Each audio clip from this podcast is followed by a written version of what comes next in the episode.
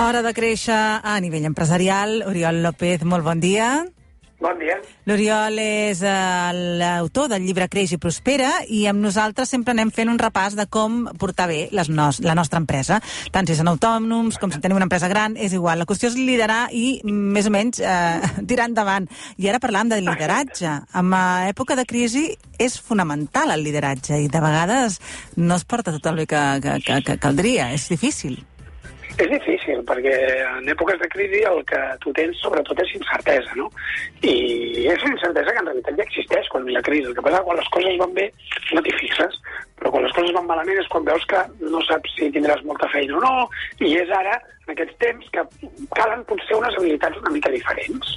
Eh, I el que tu facis ara i el com actuïs ara també marcarà el camí futur. Per exemple, si tu directament has, has atacat, has atacat, però, però t'has recolzat en el teu equip, eh, has fet pagar el teu equip, tot i que potser els números a tu encara et sortien, eh, la situació actual, doncs això també de cara a futur marca un camí, marca una cultura empresarial, no? Mm. Si tu t'has si tu t'has eh, posat a treballar al costat del teu equip i vinga, som-hi, doncs això també marca el futur. No? És fonamental, tant, no?, que l'equip se senti arropat en moments eh, difícils com aquests. És fonamental. Sí, bueno, sí, sobretot el que s'han de sentir és que les decisions que prens tenen un sentit. És a dir, tu pots uh -huh. fer un ERTO, pots no fer-lo, pots acomiadar, pots no acomiadar, pots tenir la gent, pots no tenir-los, i pots fer moltes coses.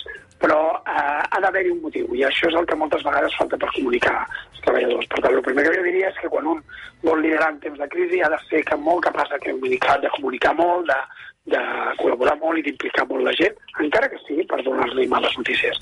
A partir d'aquí seguim quatre normes. No? Jo, com, a, com, a, com a empresari, el problema que tens ara mateix potser és que et venen moltes coses de cop.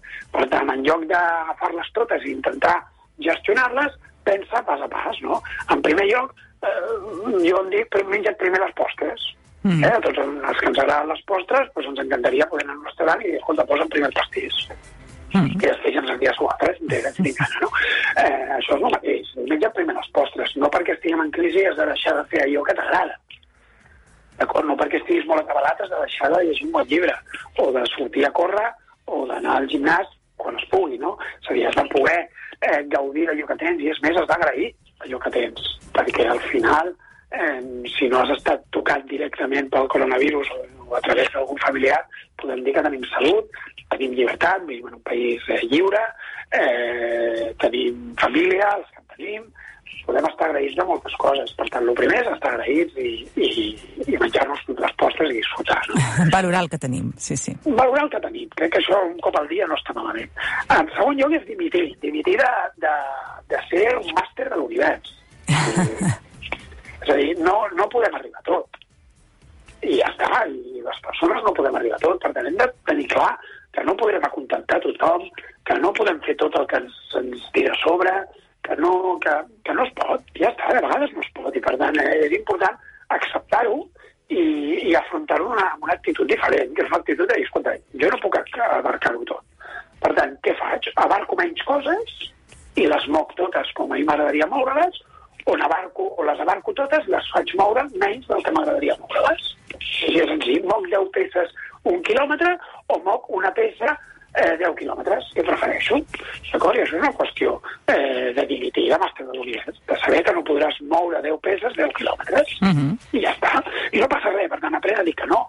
Digues que no a, fins i tot a oportunitats, digues que no a, a, a feines que no pots fer ara mateix i no et preocupis per dir que no, perquè en realitat és la millor manera de dirigir un negoci. Uh -huh. Vale? Tercer lloc és mirar-se al mirall i no només introspectivament de dir, escolta, com estic jo, sinó confiar en persones, confiar en gent externa o interna que t'ajudi a, a conèixer més. I, per tant, doncs, escoltar molt la gent a qui confies i a qui respectes perquè et podrà donar consells, et podrà donar la seva opinió sobre què veu, com et veu com a líder. D'acord?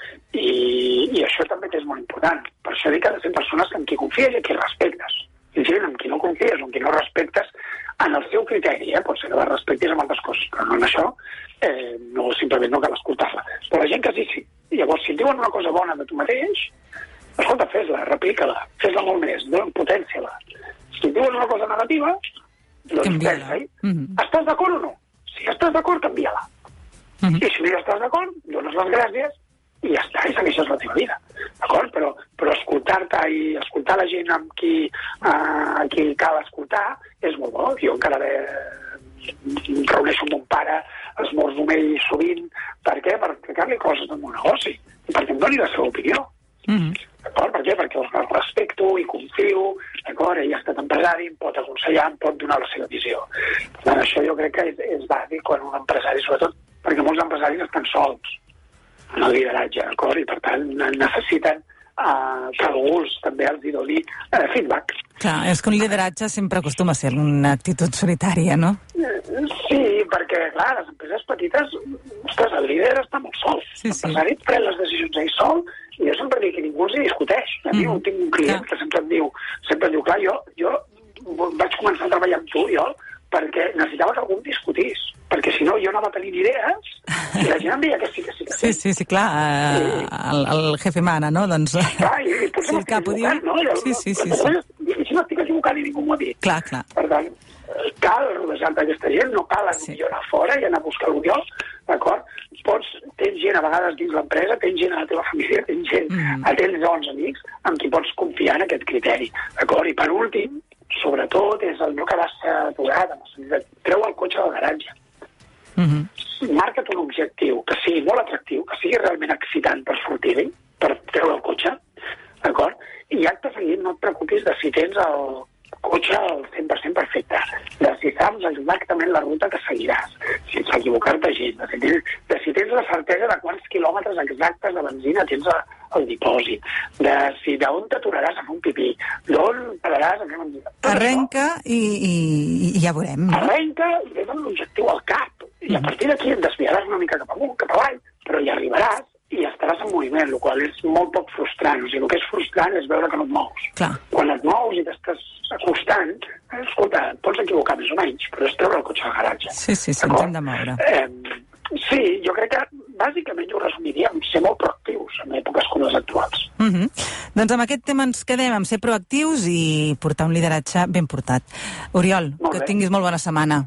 Que vagi molt bé, Noé. La primera pedra, dissabtes i diumenges de 6 a 7 del matí.